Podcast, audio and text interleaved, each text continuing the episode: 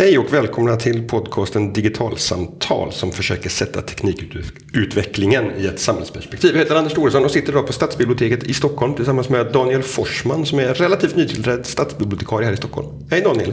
Hej Anders!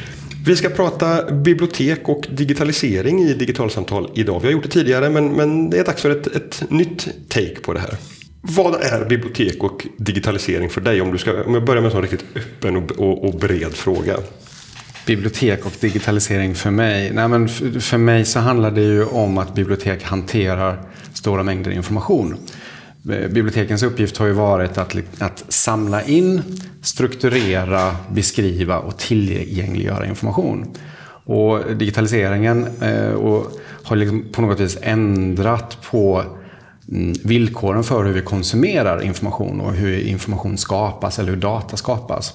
Eh, och för mig så så är bibliotekens roll i digitaliseringen fortfarande densamma.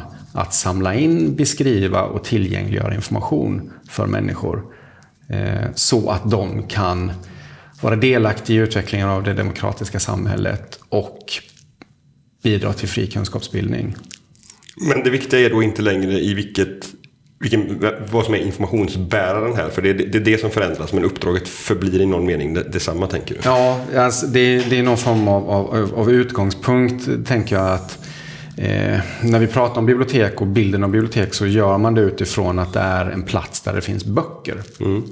Eh, men det, det som är intressant på biblioteket det är ju inte själva informationsbäraren utan det är ju de berättelser och de idéer som lever inuti de här böckerna.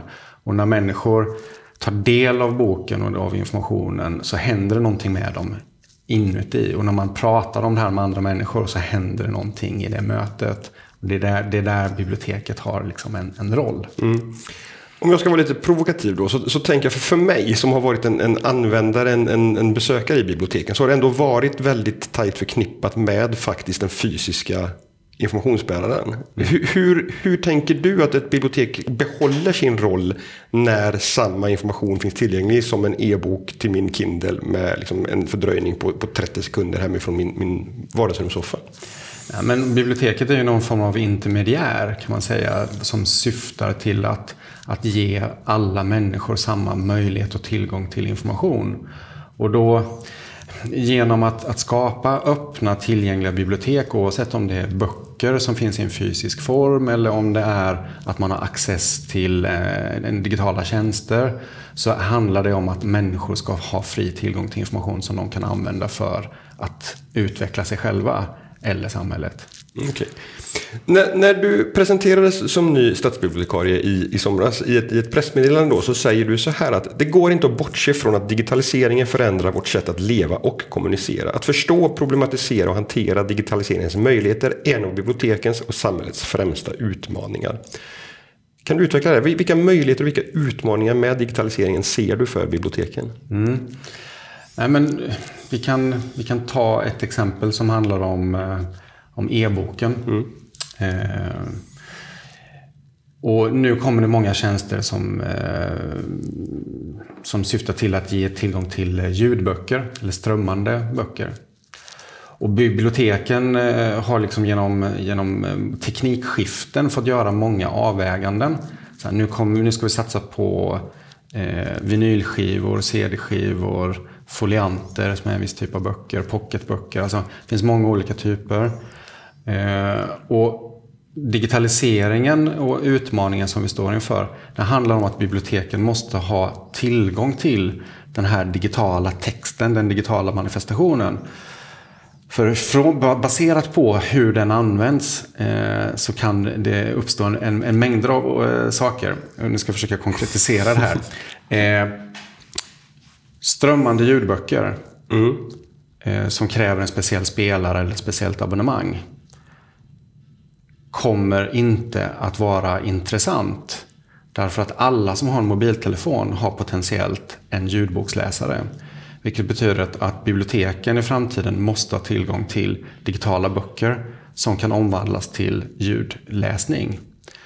Och om vi inte börjar bygga, digitalisera och börjar bygga upp ett digitalt bestånd när 20 procent av vår befolkning är vana vid ljudläsning eller videoläsning då kommer biblioteken inte vara relevanta för vi har inte information eh, som människor kan ta till sig ett mm. format som människor kan ta till sig.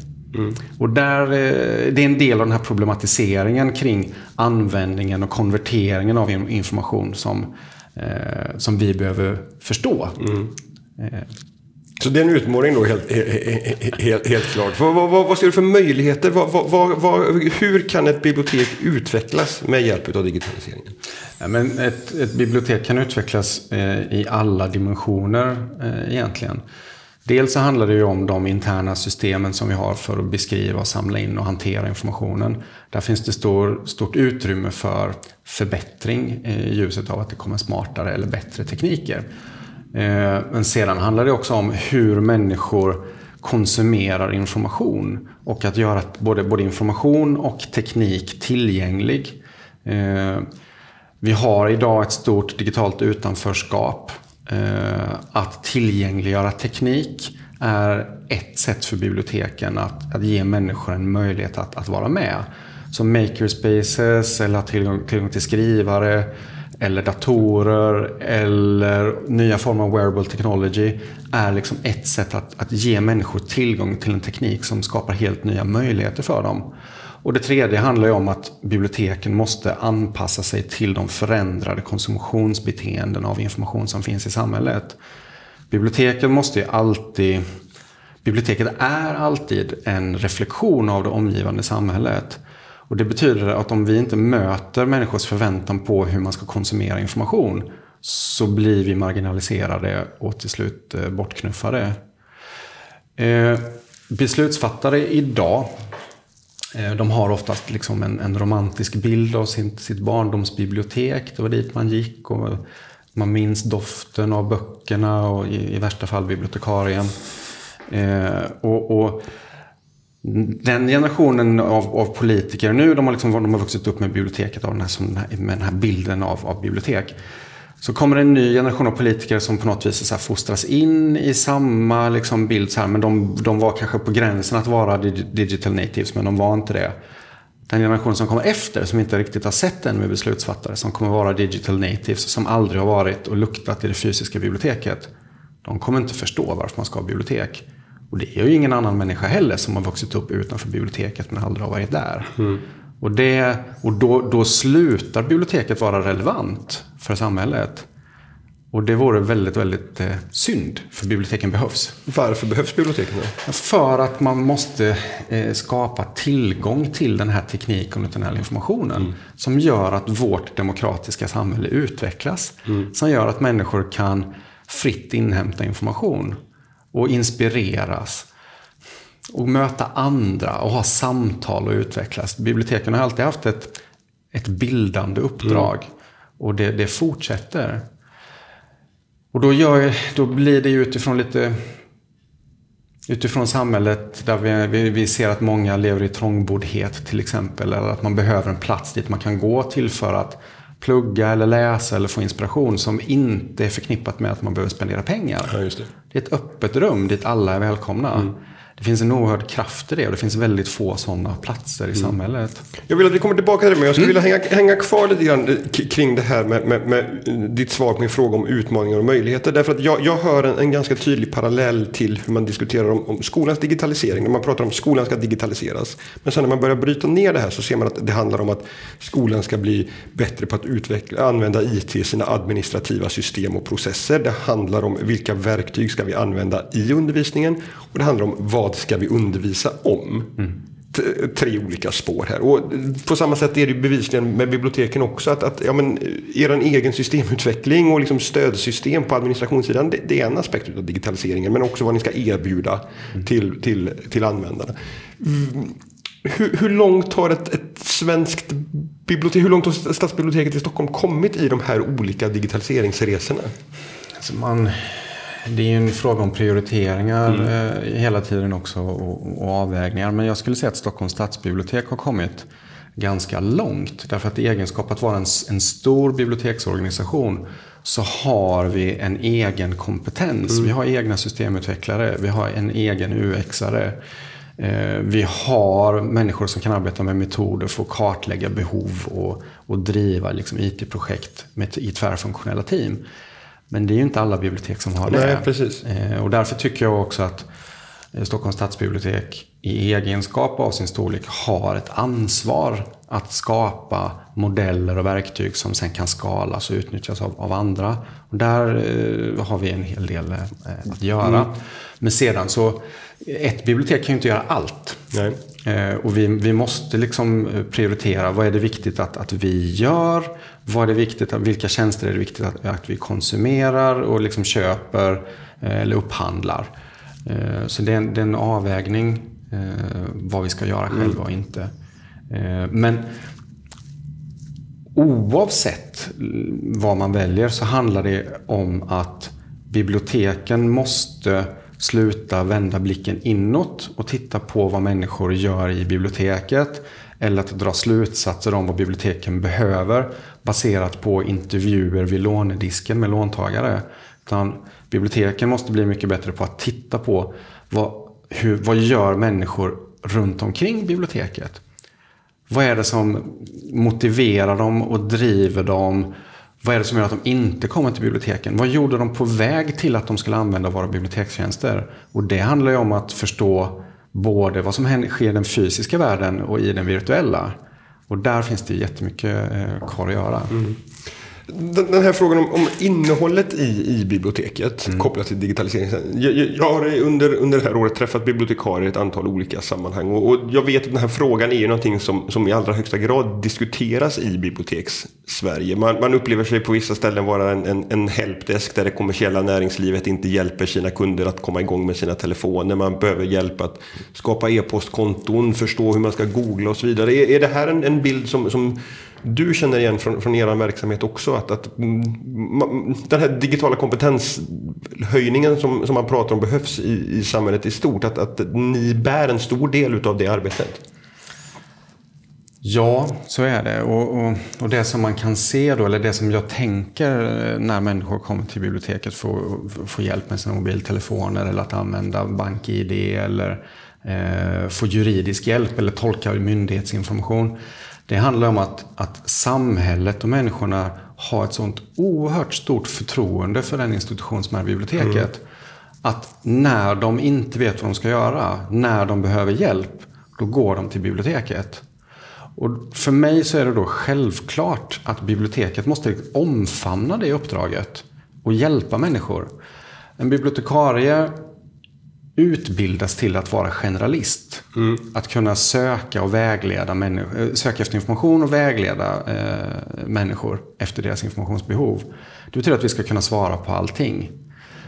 Man behöver inte kunna allting. Men i professionen så handlar det om att vi hjälper folk med det som de, de undrar. Och då blir det väldigt tufft om biblioteken skulle säga så här. Nej, jag tänker inte hjälpa dig med din eh, mobiltelefon för det är inte bibliotekets uppgift. Det finns ingen annanstans i samhället som de här människorna kan vända sig. Då måste vi hitta former för hur vi kan hjälpa till. För det är bibliotekens uppgift, att utjämna skillnader i samhället. Mm. Och det är som du säger, att, att hitta former för det här. I de mötena som jag har haft så, så är det just det som, som efterfrågas. Alltså, det, det, är inte det att det är ett ointresse att, att hjälpa till, utan precis snarare tvärtom mm. som, som, du säger. Men, men det finns ändå en frustration över att resurserna räcker inte till, det tar tid. Man har kanske inte, känner inte att man har den kompetensen själv som man behöver. Vad, vad ser du, liksom, vad, om, om du fick önska, vad skulle behöva komma till för att, för att biblioteken skulle kunna ta det här ansvaret liksom fullt ut på riktigt och göra det här riktigt bra? Så det, är, det är flera saker. Men dels så behöver biblioteken omfamna uppdraget och säga att det här är någonting som vi ska göra. Man måste bestämma sig för att det, för att, för att det är så. Sedan måste man ju då eh, koppla upp sig mot beslutsfattare och mot eh, de som, som sitter på resurserna i form av pengar och säga okej, okay, men genom att kombinera biblioteket med ett medborgarkontor till exempel så får vi synergieffekter som, som är positiva för, för alla. För det behöver vi lite mer, mer resurser. Men sen så måste biblioteken internt organisera sig för den typen av uppdrag. Och idag så är många bibliotek organiserade efter bokhanteringen och volymer av bokhantering som man eh, hade på 80 eller 90-talet. Och så ser inte verkligheten ut längre. Då behöver man ändra på arbetsflöden och man behöver ändra kanske på organisation. Och man behöver ändra på uppdragsbeskrivningar som motsvarar det som man gör. Det, det blir mindre bokhantering, mindre av att, att hantera en fysisk artefakt och mer utav annat. Alltså det är ju, om vi pratar om digitaliseringen eller automatiseringen av bibliotek till exempel. Mm. Alltså vi, utlåningsstatistiken eh, den är ju relativt stabil eh, över tiden. Då. Vi hanterar ju fortfarande liksom mängder med, eh, med böcker. Eh, och därför så började man ju, och det var ju också det som gjorde att man tidigt började med både digitaliseringen i form av att hitta på söksystem som skulle ersätta kortkatalogen. Men också i automatiseringen, självåterlämning, självsorterande robotar och sådär. Eh, så man har kommit ganska långt mm. i liksom de arbetsflödena. Men till slut så måste man ju liksom så håller inte modellen. Utan det, verkligheten har förändrats så pass mycket så att biblioteken internt måste anpassa sig efter det. Och där finns det, där finns det ett motstånd. Mm. Men det gör det i alla förändringsprocesser. Mm.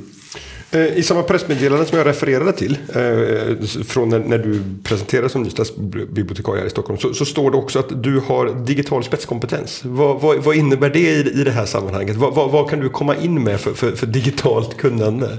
Du, du, har en bakgrund på Chalmers eh, bibliotek. Ja. Nej, men jag, min, min bakgrund, jag är ju, är ju eh, bibliotekarie och så har jag läst eh, lite olika andra samhällsvetenskapliga och humanistiska eh, ämnen. Pedagogik och, och sådär. Eh, historia läste jag. Eh, och när jag började jobba på mitt första bibliotek så började jag som ämnesbibliotekarie för media och kommunikationsvetenskap. Eh, undervisade i eh, hur man skulle hitta liksom, resurser för studenterna. Och då gjorde jag ämnesguider, HTML-sidor som jag knackade ihop. Eh, och tyckte det var jättefiffigt. Och eh, när jag hade jobbat någon månad eh, eller två så kom IT-chefen på universitetsbiblioteket där jag jobbade och sa ja, men Daniel, vad är du intresserad av? Så, ja, men jag är intresserad av datorer och digitala eh, hjälpmedel. Så jag sa, ja, men vill du bli systembibliotekarie? Ja, absolut, så jag. För eh, jag var ju ganska ny. Vad är systembibliotekarie? måste jag få skjuta, skjuta ja, in som fråga. Vad är systembibliotekarie då? Det är, eh, på den tiden så liksom separerade man allting som handlade om de digitala systemen från den övriga verksamheten. Okay. Så man hade en specialistfunktion som var den som administrerade mm. och supportade och hackade liksom i, eh, i de här datoriserade systemen för att hantera information. Så då sa jag, ja men vad bra. Eh, då blir du systembibliotekarie. Ja, eh, Eh, det blir jag. Eh, jag kan inte säga jättemycket formellt. Eh, ska ni skicka mig på kurs? Så han, nej, det blir inga kurser för dig. Ja, men hur ska jag lära mig programmera? Och då sa han, men Daniel, du jobbar på ett bibliotek. Här finns det mängder med böcker om programmering. Du har en hel IT-avdelning här eh, som kommer hjälpa dig och vi kommer ge dig problem. Din uppgift är att lösa de här problemen. Och sen så kastades jag in i en värld av systemadministration och Unix-miljöer och eh, källprogrammering. Och sen också webbprogrammering där jag, min första applikation var att ta fram en databasdriven ämnesguidessystem. Eh, som skulle spara alla eh, ämnesbibliotekarierna jättemycket tid. Det var genialt därför att eh, tidigare så hade man statiska HTML-sidor. Eh, och alla skulle sitta och ändra på de här länkarna. Det var jobbigt för saker ändrar sig på internet. Då sa jag, men vi gör en databas där man registrerar sin länk. Vi behöver bara ändra den på ett ställe. Och så presenterade det här för de andra bibliotekarierna. Och så sa de, det här är jättebra. Eh, vi kommer inte använda det. Eh, va? Men varför inte då? Det här kommer spara jättemycket tid. Vi orkar inte gå igenom alla våra resurser och lägga in dem i den här databasen. Ja, men ni behöver bara göra det en gång, sen kommer ni aldrig mer behöva ändra på alla de här ställena. Nej, det har inte vi tid att göra. Vad jag lärde mig då, och sen dog hela det projektet, vad jag lärde mig då det är att det handlar jättemycket om att förstå sina användargrupper och mm. beteenden och mm. drivkrafter så att man kan designa system efter hur människor är. Mm. Så utifrån den, eh, liksom, den uppstarten då så började jag utveckla digitala tjänster med syfte att spara tid och underlätta för biblioteken och administrationen. Och då satt jag och hackade kod eh, och skrev applikationer eh, och kom sen till en, en slutsats där jag såg att antingen så fördjupar jag mig och systemutvecklar ännu mer. Eller så går jag över på en sida där jag, jobbar, där jag jobbar mer med verksamhetsutveckling och blir en bättre beställare av IT-tjänster utifrån min erfarenhet. Mm.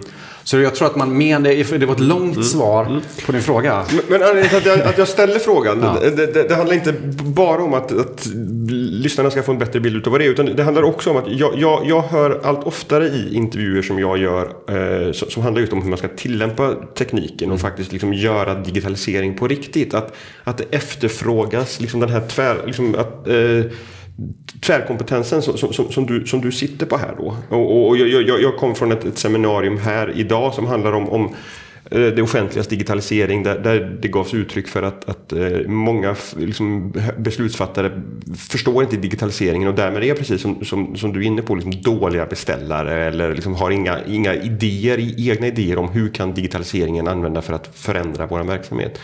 Eh, det måste vara kul att ha båda benen att stå på i, som du har här. Att, att kunna vara med och driva den här utvecklingen för att ställa en sportfråga. Hur känns det?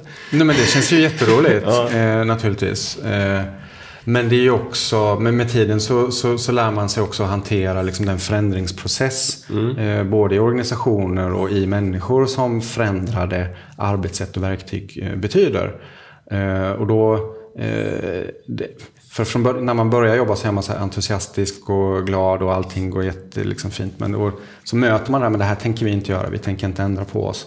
Och då, då utvecklar man med tiden liksom strategier för att hantera det. Och, och då blir även det roligt. Själva förändringsprocessen blir rolig och att driva utveckling. Mm. Eh, problemet med chefer är ju oftast att de är alldeles för rädda att erkänna att de inte kan någonting. Och sen så börjar de lägga sig i saker utifrån liksom, mm, en formell chefsposition. Och inom agil utveckling så är, ju, är det ju till och med uttalat att chefer är det största hotet för liksom, riktig förändring. Eh, och man, de har, som formell chef med lång eh, stolt tradition så har man ju en kompetens i att hantera mängder med svåra situationer. Så här, budgetar, inflytandestrukturer, riskhantering. Och det, är liksom, det är de kompetenserna som man kommer in med då. Eh, och då, blir, då handlar det inte alls om värde, förändrade beteenden, utan det blir utifrån risker, administration, kostnader. Eh, och det, det dödar ju all eh, kreativitet och utveckling. Så chefer måste hålla sig borta från utvecklingsprojekt. Hur, hur, hur, hur bibehåller du kreativitet och nyfikenhet kring, kring digitaliseringens möjligheter för, för dig och dina medarbetare? Nej, men det är ju att vara konstant nyfiken. Mm. Eh, och att hela tiden lära sig. Och att vara liksom ödmjuk inför att man kan ingenting eh, tillräckligt mm. bra eller för alltid. Mm. Min, mina programmeringskunskaper de är, de är utdaterade. Mm. Eh, men jag har en en förståelse. Alltså jag kan läsa kod. Jag förstår vad som händer. Jag kan föra ett resonemang med en systemutvecklare kring, kring vägval som de har gjort och logisk uppbyggnad. Och det gör ju också att man kan, man kan ifrågasätta på ett helt annat sätt eh, än vad man eh, skulle göra om man inte hade den här kompetensen mm. också. Mm. När det gäller tidsestimat eller hur svårt någonting kan vara eller så. Eh, det tror jag är väldigt viktigt. Mm. För många är ju liksom ett bekymmer i digitaliseringen eller generellt sett i utvecklingsprocesser, det är att här, man identifierar att vi behöver en, en kompetens. Okej, okay, Anders, nu är du systembibliotekarien som ska ta hand om systemen. Nu är du är IT-funktionen Ja, men vad bra. Då tänker alla andra tänker så här, men vad skönt, där är IT-funktionen. Så nu behöver inte jag, vi göra IT. Och så fort någon säger någonting om IT så tänker alla, ja, det ska gå till IT-funktionen. Och vad man inte har förstått då, det är att IT är en sån genomgripande förändring, en sån disruptiv teknik som går igenom allting som vi gör. Kommunikation, teknik och IT-förståelse och liksom digitaliseringen och hur människor använder internet och så. Det går, igenom, det går igenom allt. Det måste alla kunna. Det, och det måste vi driva igenom. Till vilket pris som helst. Mm. Eh, alla måste förstå grundläggande tekniska resonemang. Alla på biblioteket måste förstå hur internet fungerar. Och, och på vilken nivå, det, det, det, där är en fråga som jag brukar använda ute och föreläsa. Att, att, här, vad, vad, är internet? Mm. På, på, vilken nivå menar du att man behöver förstå vad, vad internet är? Jag tycker att man behöver förstå grundläggande koncept som hypertextualitet, eh, som URL-syntax och domäner. Jag tycker också att man eh, behöver förstå grundläggande metadataprinciper för att man hittar information mm. och så. Det, där någonstans är det, det är basic basics. Mm. Om man ska jobba i, inom mm. biblioteksdomänen. Eh, sen skulle jag, alltså, helst skulle jag vilja liksom lägga på ännu mer, men då, då, då sätter man ju ribban för högt. Men om vi inte, om vi inte, om vi inte får upp alla på den här basnivån och den här liksom en grundläggande förståelse av, av internet. Och det gäller grundläggande teknik också. Idag måste alla veta vilken sladd som går in i vilket hål. Vi kan inte ha specialister som ska åka runt och liksom bara säga, men jag vet att den här sladden passar in i det här hålet. Den, den, passar, den passar bara på ett ställe. Mm. Eh, var inte rädd för att prova, den går inte sönder, du får inte in den någon annanstans. Och så är det lite grann med användningen av digitala resurser eller IT-system också. Var inte så rädd för att det kommer gå sönder. Det, vad är det värsta som kan hända? Inte problemet Dataförlust. Man, ja, ja, precis. inte, inte problemet att man, man, man, man, man vet faktiskt inte svar på den frågan. Nej. Eh, och vilket man inte vet därför att man inte riktigt förstått tekniken. Och då är det ju liksom, jag menar i... det är ju en sak om, om, om jag jobbar på eh, militär underrättelsetjänst. Liksom. Ja, men då fine. Eller om jag arbetar med ett sjukhussystem. Men om jag ska hjälpa människor på ett bibliotek att söka på internet efter information som de behöver. Liksom, då ska man inte vara rädd eh, för att använda IT-systemen. Utav de här olika digitaliseringsaspekterna. Mm. Era liksom egna interna processer, administrativa system, var, var, användarna är och vad de behöver. Vilken liksom digitaliseringsgren är, är, är, är roligast och kanske mest utmanande? Jag tror att det handlar om att mm, förstå eh, att samhället i grunden är förändrat. Det är liksom det mest spännande.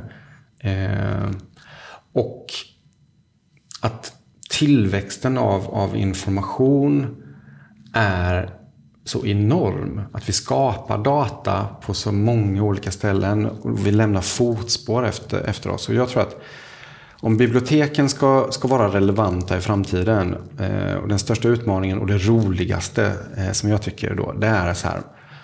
Vad är det människor gör med den informationen som vi tillhandahåller och varför?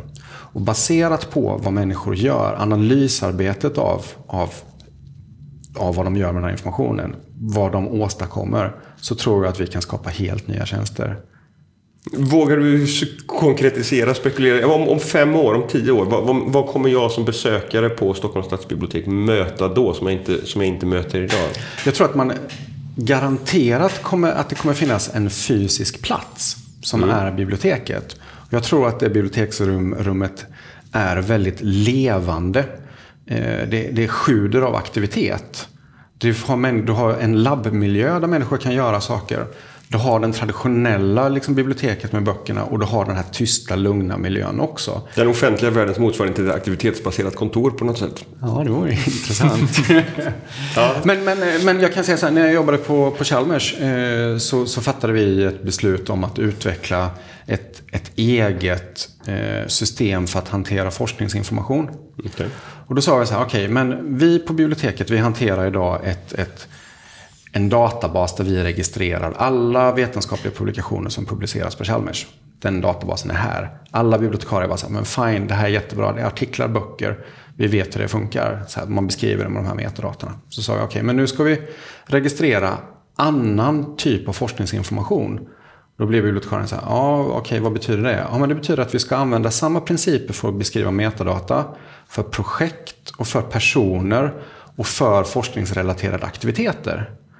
Sen ska vi skapa samband mellan de här olika kategorierna. Och sen så ska vi visualisera och dra nya samband om samarbeten, effekter som vi inte kan se idag för att vi tittar på varje informationstyp var och en för sig. Men om vi tittar på nätverksdiagram till exempel av vilka författare är det som sampublicerar oftare. Med vilka andra lärosäten sampublicerar vi som leder till ett högre vetenskapligt genomslag eller citeringar. Då börjar vi liksom massera det här datat och vi börjar bearbeta datat. Och på det så kan man då börja ett helt nytt strategiskt arbete som påverkar inriktningen för Chalmers forskning och utbildning. Mm. Vilka partnerskap ska vi ha? Vilka forskningsområden ska vi satsa på? Den typen av, av liksom den blir en strategisk resurs i... Liksom. Det blir det. Och, och, då mm. tänker jag, om man ska översätta det till folkbibliotekens ja, värld. Precis, då, jag tänkte fråga ja. Då blir man så här, ja, men vad skulle det betyda då? Ja, men människor, man pratar om vad är effekten av kultur? Mm. Det, det pratar många om. Så här. Och idag så mäter man kvalitet på bibliotek genom att räkna hur många personer som går in och ut genom en dörr. Eller hur många gånger en bok har flyttat sig från plats A till plats B. Men jag är mycket mer intresserad av att på något vis försöka titta på vad är det människor gör med den information som de får tillgång till via bibliotek. Varför kom du till biblioteket? Vad var det du gjorde? Och vad var det du gjorde när du gick därifrån?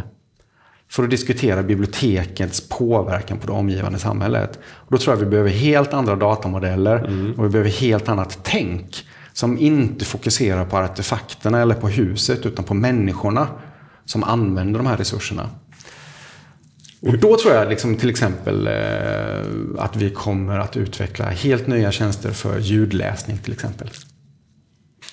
Hur ser den, hur, det där tappade du mig. Hur, ja. ser, hur ser steget ut från, från den dataanalysen och det till, till, till en, en, en faktisk utveckling utav, utav ljudläsningstjänster? Vad, vad, vad, tror, vad, vad kommer ni upptäcka i data som påverkar vilka tjänster ni tillhandahåller?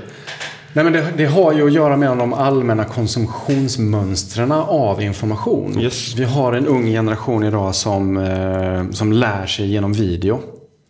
Och i takt med att alla texter blir digitala, från föds digitala, mm. så kommer alla texter att vara, ljud, eh, vara möjliga att ljudläsa i din mobiltelefon eller via eh, någon uppläsningstjänst som är strömmande. Och då tror jag att vi inom skolans värld kommer få se, kommer se en, en förändring där människor lär sig läsa genom att ljudläsa eller videoläsa eller läsa eh, pappersböcker. Vi kommer se stora skillnader i konsumtionsmönster.